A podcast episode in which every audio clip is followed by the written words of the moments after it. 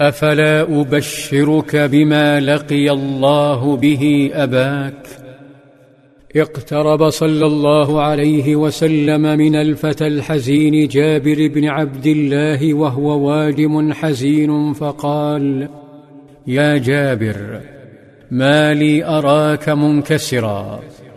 قال جابر يا رسول الله استشهد أبي وترك عيالا ودينا.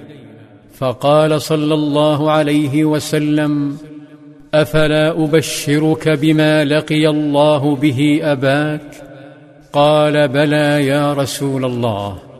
قال يا جابر أما علمت أن الله أحيا أباك؟ فقال يا عبدي تمن علي أعطك. قال يا رب تحييني فأقتل فيك ثانية. اذا فقد حطت الأرواح في النعيم ورفرفت في عوالمه الساحرة. في عوالم احتقر الشهداء معها جهادهم وما أصابهم.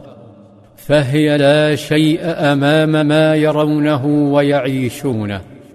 لذا تمنى والد جابر أن يقتل ويقتل.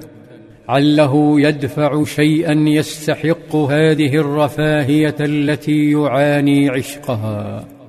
لكن الرب الكريم سبحانه قال إنه سبق مني أنهم إليها لا يرجعون.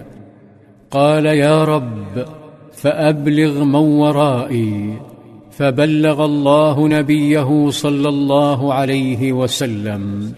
يا له من تكريم ناله والد جابر. هو شيخ كبير. سقط ضمن أول من سقطوا. إنه لم يقاتل كما قاتل حمزة. ولم تمزقه الطعنات كما مزقت أنس بن النضر. ومع ذلك يلقى كل هذا الفيض الغامر من النعيم. ليس هكذا ينظر لوالد جابر.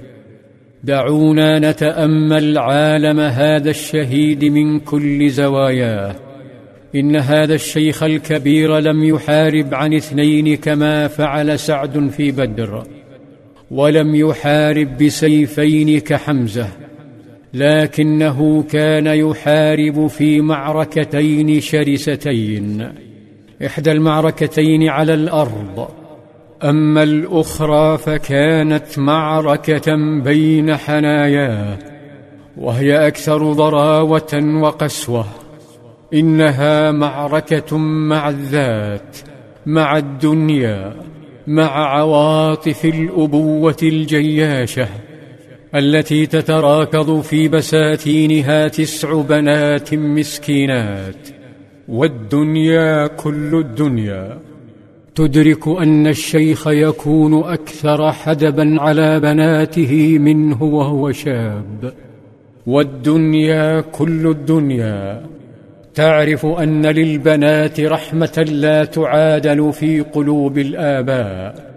فكيف إذا كن تسع صغيرات؟ كان عبد الله بن عمرو بن حرام ينتزع نفسه من بين بناته. ينتشلها من مشاعر الأبوة الجارفة ليتجه بها نحو الله فحب الله متشعب في عروقه متشعب في مشاعره وهو بحاجة إلى الله أكثر من حاجة بناته إليه. هكذا يمكن فهم هذا الشيخ الذي استحق هذا التكريم. رفرفت روحه وروح رفيقه عمرو بن الجموح وبقية الشهداء ووصلت رسالة الأرواح إلى النبي صلى الله عليه وسلم فنظر إلى أبطاله وتلاها عليهم ففاضت العيون. حتى تمنى النبي صلى الله عليه وسلم لو كان ضمن رحلتهم هذا المساء.